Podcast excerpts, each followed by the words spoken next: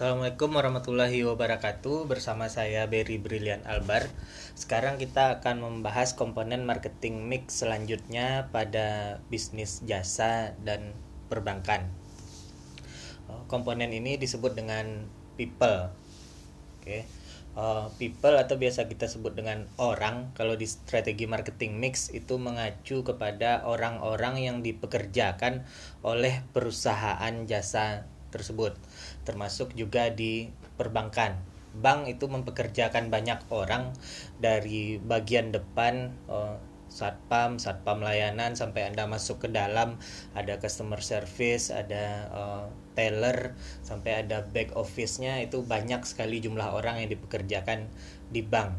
Menurut Jim Collins itu manusia atau orang atau karyawan kita itu merupakan aset paling penting di dalam perusahaan uh, sudut pandang ini menjelaskan bahwa mungkin kalau strategi lain itu Anda bisa buat uh, bangunan itu bisa dibangun, peralatan itu bisa dibeli, tetapi manusia itu punya karakteristik dan punya kekhasan tersendiri. Jadi Anda harus membentuk karyawan Anda supaya memiliki kinerja dan profesionalisme yang baik ketika bekerja dengan Anda.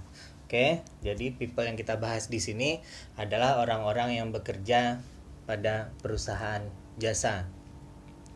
Uh, di dalam bisnis jasa itu jenis karyawannya ada dua, ada yang di uh, front line atau di depan, lalu ada yang di uh, backline atau di back office. Oke, dua jenis ini yang membedakannya adalah kesempatan mereka untuk bertemu atau berinteraksi dengan konsumen front line atau front office atau bagian depan itu adalah employee atau karyawan yang bertemu langsung dengan si konsumen. Kalau di bank itu mulai dari satpam layanannya sampai uh, customer service sampai uh, tellernya sampai salesnya misalnya atau bagian marketingnya itu bertemu langsung dengan si konsumen. Nah, yang bersentuhan dan berhubungan langsung dengan konsumen itu disebut dengan frontliner. Sementara yang back office atau backline itu ada di belakang. Jadi kadang kita tidak ketemu bagian administrasinya, bagian personalianya, bagian uh, ya bagian pengelolaan yang di dalamnya itu konsumen tidak menemukan. Nasabah tidak bertemu dengan orang-orang uh, tersebut. Uh, di perspektif konsumen, interaksi dengan staf jasa itu merupakan aspek yang penting karena kita manusia, itu biasanya kita senang ketemu dengan manusia lainnya. Walaupun dalam kenyataannya uh, beberapa pekerjaan frontliner yang awalnya dikerjakan oleh manusia itu beberapa sudah dikerjakan oleh mesin misalnya. Untuk menyetor uang itu kita bisa ketemu dengan mesinnya aja. Untuk ngambil uang bisa ketemu dengan mesin ATM juga, tidak perlu bertemu dengan uh, orang. Frontliner atau employee bagian depan itu merupakan pengendali penting di dalam loyalitas uh, konsumen dia mengantisipasi kebutuhan konsumen karena dia ketemu langsung dengan konsumen jadi dia tahu dia dengar langsung apa keluhan dan kebutuhan uh, konsumen. Jadi dia bisa menyesuaikan bagaimana mendelivery jasa pelayanan tersebut kepada konsumen. Selain itu frontliner itu juga membangun hubungan yang personal. Jadi dia memang diupayakan untuk akrab dan melayani konsumen dengan uh, baik Sementara dari perspektif perusahaan, frontliner adalah sumber daya penting keunggulan bersaingnya. Jadi perusahaan yang punya frontliner yang oke, pekerjaan yang baik, itu merupakan keunggulan bersaing uh, dan sumber diferensiasi. Jadi unggul perusahaannya karena frontlinernya misalnya ramah, baik, sopan, cekatan. Nah, itu akan uh, membuat image perusahaan akan menjadi uh, baik sehingga frontliner itu seperti bagian inti dari layanan lalu dan frontliner itu sekaligus juga brand atau merek dari perusahaan tersebut. Karena kalau kita ketahui ada frontlinernya yang kasar misalnya atau viral misalnya kurang ajar dengan konsumen, itu yang buruk bukan hanya image si orang atau frontliner tersebut, tapi nama perusahaannya juga akan ikut-ikutan uh, jelek. Seperti itu. Nah, di dalam bank itu jalur untuk sumber daya manusia ini memiliki banyak kategori ada yang pegawai kontrak ada yang uh, tetap yang tetap biasanya jalurnya ada yang jalur karir atau biasa juga disebut dengan manajemen trainee atau MT atau ada juga yang menyebut Officer Development Program atau ODP atau program pengembangan staff atau PPS. Jadi istilahnya akan berbeda-beda. Intinya ini merupakan jalur karir yang dirancang oleh bank melalui uh, perekrutan yang baik pelatihan yang baik sehingga akan menghasilkan karyawan yang bekerja dengan baik. Sehingga karyawan yang baik ini akan melayani konsumen dengan baik. Konsumen yang terlayani dengan baik akan puas dan terus mengkonsumsi jasa perbankan uh, tersebut. Seperti itu cara kerjanya untuk mempekerjakan pegawai yang baik. Oke. Uh, di sisi lain frontliner atau pekerja yang ada di baris depan dari perusahaan jasa itu memiliki berbagai uh, tekanan karena mau tidak mau mereka ada di garda terdepan mereka yang ketemu langsung dengan si konsumen. Jadi kebayang ketika ada masalah itu mereka yang akan menghadapinya uh, langsung. Oke? Kondisi ini berlaku di frontliner di mana pun misal anda naik pesawat pun ketika anda komplain dengan pesawatnya mungkin yang akan anda uh, berkeluh kesah itu kepada pramugarinya. Oke, padahal bukan pramugarinya yang menyebabkan berbagai permasalahan keterlambatan pesawat misalnya. Di perbankan juga seperti itu. Ketika Anda bermasalah misalnya oh, ATM Anda, kartu ATM Anda tertelan atau kartu kredit Anda bocor digunakan oleh orang lain, itu mungkin Anda akan komplainnya ke customer service-nya. Jadi frontliner ini memang pekerjaannya agak uh, tekanannya agak berat, stressful juga sehingga frontliner ini dibekali oleh perusahaan untuk menyenangkan konsumen, untuk bekerja yang baik, untuk bekerja profesional. Dia juga diajarkan untuk banyak menjual, mendatangkan keuntungan bagi uh, perusahaan. Ada tiga penyebab utama tekanan bagi si frontliner atau pekerja di baris depan dari bank ini. Yang pertama itu uh, tekanan personal versus peran, yaitu tekanan yang datang dari dalam walaupun frontliner ini secara profesional melayani konsumen, dia sebenarnya tetap adalah manusia biasa. Jadi konflik itu ada, konflik personal itu ada. Misal oh, situasi di rumah misalnya tidak mengenakan, misalnya orang tuanya sakit atau oh, keluarganya ada yang kemalangan, itu konflik personal. Sementara ketika dia bawa ke kantor, itu dia melayani konsumen tetap harus profesional. Jadi konflik personalnya itu memang konflik di dalam, tetapi ketika dikeluarkan keluar dia tetap harus profesional ketika melayani konsumen. Itu yang pertama. Yang kedua adalah tekanan atau konflik dari organisasi uh, versus klien. Jadi misalnya bisa jadi si konsumen ini merasa dirugikan oleh perusahaan uh, misalnya. Misalnya konsumen ini uh, berhutang kepada pihak bank lalu mungkin telat membayarnya lalu misalnya ada denda yang terlalu besar lalu konsumen ini merasa uh, diberatkan oleh denda yang luar biasa lalu dia komplain lalu dia sedih misalnya lalu dia berkeluh kesah misalnya.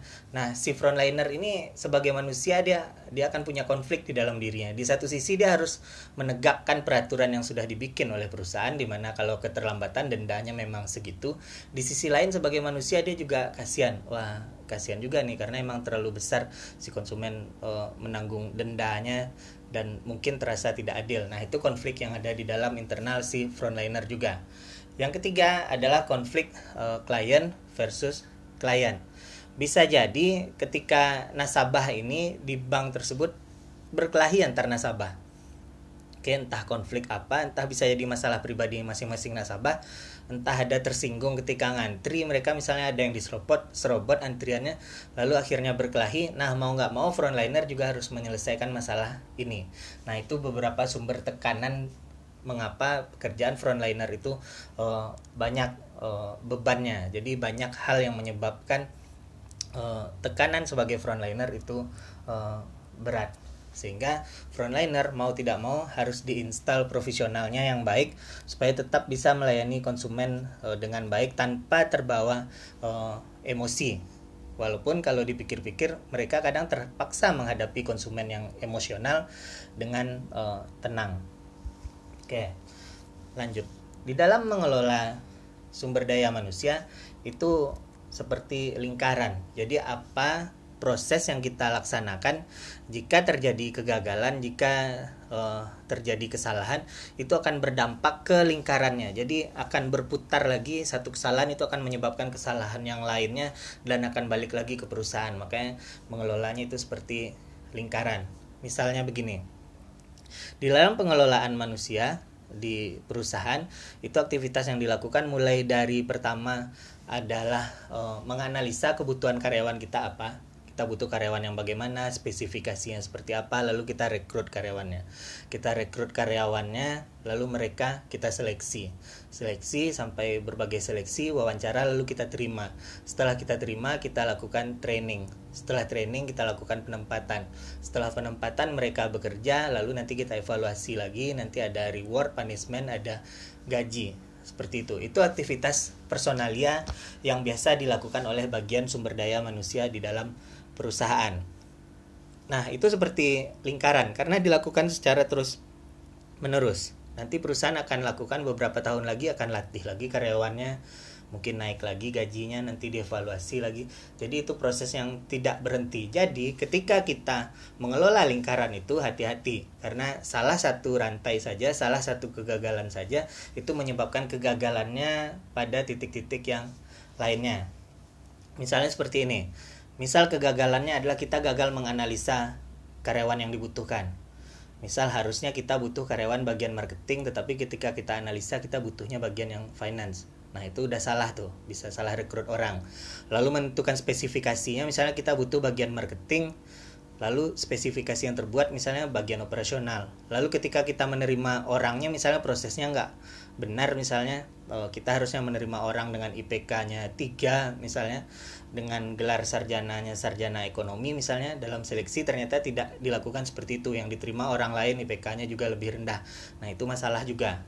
Lalu selanjutnya kita lakukan uh, seleksinya tidak benar pakai orang dalam misalnya atau tidak fair itu juga berisiko bagi perusahaan mempekerjakan orang yang buruk. Lalu kita pelatihannya juga jelek sehingga karyawannya juga nggak akan paham dengan apa yang dilatih oke? okay? Dari sepanjang itu kesalahannya satu saja kesalahan itu bisa menyebabkan e, rangkaian kesalahan yang lainnya. Apalagi semua hal tadi dilakukan dengan salah. Salah gagal melatih karyawan tidak benar pelatihannya akhirnya dia tidak memahami pekerjaannya dan tidak bisa mengerjakan pekerjaan dengan baik. Apa risikonya? Risikonya adalah seperti ini. Orang yang kita seleksi dengan cara yang buruk diterima dengan cara yang buruk dilatih dengan cara yang buruk lalu akhirnya dia kita lepas untuk melayani konsumen. Otomatis dia akan melayani konsumen dengan pastinya dengan buruk. Oke. Konsumen yang terlayani dengan buruk itu akan kecewa, kesal, mungkin berhenti menabung di bank kita. Mungkin nggak minjam uang lagi di bank kita. Mungkin berhenti jadi nasabah bank kita. Oke, jadi dari hal tersebut saja udah panjang risikonya. Otomatis konsumen kita akan berkurang mungkin dia akan mempengaruhi orang lain juga. Nggak perlu nabung di sana nggak usah lah pakai bank itu jelek ATM-nya jelek pelayanannya jelek misalnya. Akan berkurang lagi konsumen kita. Jadi makanya dikatakan mengelola manusia itu penting karena kesalahan yang tadi saja bisa merugikan bank luar biasa. Bisa jadi banknya akan bangkrut gara-gara salah mengelola manusia tadi. Nah itu contohnya lingkaran kegagalan di dalam mengelola uh, sumber daya manusia. Nah apa yang dilakukan sebaiknya yang kita lakukan karena ini sebuah lingkaran, makanya lakukan semua titik di lingkaran itu dengan baik sehingga lingkaran kita bukan lingkaran kegagalan namanya, tapi namanya akan berubah menjadi lingkaran kesuksesan. Oke, jadi udah kebayang tuh prosesnya tadi, mulai dari uh, analisa karyawannya, kebutuhan karyawannya apa dilakukan dengan benar, speknya juga benar, lalu kita rekrut, rekrut dengan benar sesuai dapat pegawai terbaik misalnya dari hasil seleksi tadi nggak ada uh, orang dalam, nggak ada nepotisme, terpilih karyawan tadi lalu dilakukan training, pelatihannya dengan baik, pelatihannya dengan benar, insya Allah karyawannya tadi akan bekerja dengan benar. Karyawan yang bekerja dengan benar, melayani konsumen dengan baik dan benar, biasanya dapat memuaskan si konsumen. Nah, konsumen yang puas biasanya akan meningkatkan pembelanjaannya, akan meningkatkan loyalitasnya untuk menggunakan bank kita. Mungkin dia akan ngasih tahu juga kepada keluarganya ngasih tahu ke orang lain untuk menggunakan bank yang sama. Jadi seperti lingkaran kesuksesan. Dari awalnya kita mengelola SDM kita sehingga SDM kita bisa melayani konsumen dengan baik konsumen kita akan terpuaskan sehingga dia akan balik lagi ke bank kita menggunakan bank kita dengan baik merekomendasikan kepada orang lain sehingga bank kita punya keuntungan yang lebih besar lagi. Keuntungan bank besar nanti kita bisa naikin gaji karyawan lagi ngasih bonus karyawan lagi. Karyawan senang dikasih bonus karyawan senang diapresiasi dengan baik lalu dia akan bekerja makin baik bekerja makin baik pelayanannya juga akan makin baik. Begitu terus sehingga akhirnya karyawan senang konsumen senang sehingga bank pun akan senang keuntungannya. Itu lingkaran kesuksesan di dalam mengelola sumber daya manusia. Oke nah cara melakukannya adalah dalam mengelola uh, eh, SDM itu yang perlu kita perhatikan adalah performa atau kemampuan dari SDM tadi. Jadi kualitasnya dan yang kedua yang perlu kita perhatikan adalah motivasi. Jadi selain kita mencari karyawan yang berkualitas, mengelolanya, melatihnya sehingga dia dapat meningkat kualitasnya, lalu juga perlu memotivasinya karena pada dasarnya kita manusia. Kadang sehebat apa pun skill kita, setinggi apa pun sekolah kita, ketika kita kehilangan motivasi itu susah untuk menggerakkannya. Makanya mengelola manusia ya perlu dinaikkan skillnya dan ditingkatkan uh, motivasinya sehingga jelas cara meningkatkan skill, cara mendapatkan karyawan yang punya skill yang baik adalah rekrut dengan cara yang baik, uh, lalu latih atau training dengan cara yang baik. Sedangkan cara untuk memotivasi adalah diapresiasi mulai dari ucapan terima kasih sampai ngasih bonus ngasih perhatian itu merupakan motivasi dan memberi energi karena pada dasarnya manusia itu butuh motivasi butuh dorongan untuk melakukan sesuatu apalagi ini bekerja kebayang kita bekerja itu mungkin 20 sampai 40 tahun mungkin itu itu aja yang kita kerjakan. Jadi butuh hal lain untuk meningkatkan semangat kita. Nah, hal itu adalah motivasi. Jadi, orang yang mengelola manusia itu harus pandai membuat orang itu meningkat kemampuannya dan harus mampu untuk memotivasinya sehingga memberikan kemampuan terbaiknya ketika bekerja di perusahaan. Seperti itu. Oke. Nah, ada sebuah pertanyaan. Jadi, bagaimana sih misalnya kita memberikan pelatihan yang baik kepada karyawan tersebut, tetapi akhirnya karyawan tersebut oh, tetap berpindah ke perusahaan lain. Jadi dia menjadikan oh, perusahaan kita itu seperti batu oh, loncatan. Jadi kita berikan pelatihan yang baik. Lalu akhirnya dia pindah ke bank yang lain. Nah, bagaimana sebaiknya yang kita lakukan? Apakah sebaiknya kita nggak usah melatih latih karyawan kita, oke? Okay? Atau kita latih, tapi resikonya nanti kan untuk melatih ini kan kita mengeluarkan biaya untuk training ini kita membutuhkan uh, biaya. Nah, risikonya ketika kita latih, ketika dia udah mampu meningkat kemampuannya, eh dia malah pindah ke bank yang lain. Bagaimana kita menghadapi ini? Apakah bertahan nggak usah dikasih pelatihan atau ngasih pelatihan dengan risiko mungkin bisa jadi karyawan tersebut berpindah. Nah, ketika pertanyaan itu ditanyakan ke bagian SDM, mungkin banyak pertimbangannya pilihan pertama tetap kita pengen karyawan kita tetap loyal tingkat turnovernya rendah nggak berpindah-pindah kerja tetap dengan kita bekerja sehingga kita bisa kasih terus pelatihannya yang baik. Itu harapan semua perusahaan. Tapi perlu diingat bahwa oh, mendapatkan pekerjaan yang layak atau yang lebih baik itu adalah hak semua uh, manusia. Jadi sah-sah saja sebenarnya ketika orang berpindah dari perusahaan A ke perusahaan B intinya untuk kehidupan yang lebih baik itu hak semua orang. Nah, jika dikembalikan pertanyaannya ke bagian personalia, itu apakah tetap melatih dengan risiko kehilangan karyawan tersebut atau nggak usah dilatih? Pertanyaan ini akan menimbulkan pertanyaan balik. Pertanyaannya adalah begini, Lalu misalnya kalau uh, kita tidak latih karyawan tersebut apa yang terjadi? Kalau kita nggak latih berarti kemampuannya nggak meningkat. Skillnya begitu-begitu aja. Oke, sudahlah tidak kita latih, skillnya begitu-gitu aja, mungkin pekerjaannya makin lama makin turun kualitasnya, dan luar biasanya mereka tetap bertahan dengan kita. Oke, itu akan lebih rugi kita dibandingkan oke okay, kita bayar uh, trainer kita bayar untuk training supaya kemampuannya meningkat sehingga akhirnya kemampuannya meningkat kualitasnya meningkat dan dia lanjutkan bekerja dengan kita produktivitasnya meningkat lalu kemudian dia akhirnya berpindah. Ya tidak masalah. Seperti itu. Abaikan uh, semuanya karena pada dasarnya perusahaan tetap harus melakukan training, perusahaan tetap harus membuat karyawannya memiliki skill yang lebih baik karena itu lebih baik walaupun mereka cuma bekerja sebentar lalu berpindah daripada Anda tetap mempertahankan karyawan yang buruk tidak memberikan pelatihan dan luar biasanya mereka tetap bertahan dengan Anda. Itu akan lebih buruk uh, lagi. Jadi jelas jawabannya apakah kita tetap melakukan training? Ya, wajib karena meningkatkan kualitas training, memberikan pelatihan kepada karyawan itu bermanfaat untuk meningkatkan kualitas karyawan tersebut. Yang mana itu juga baik untuk perusahaan uh, kita. Oke, demikian semoga menjadi ilmu yang bermanfaat.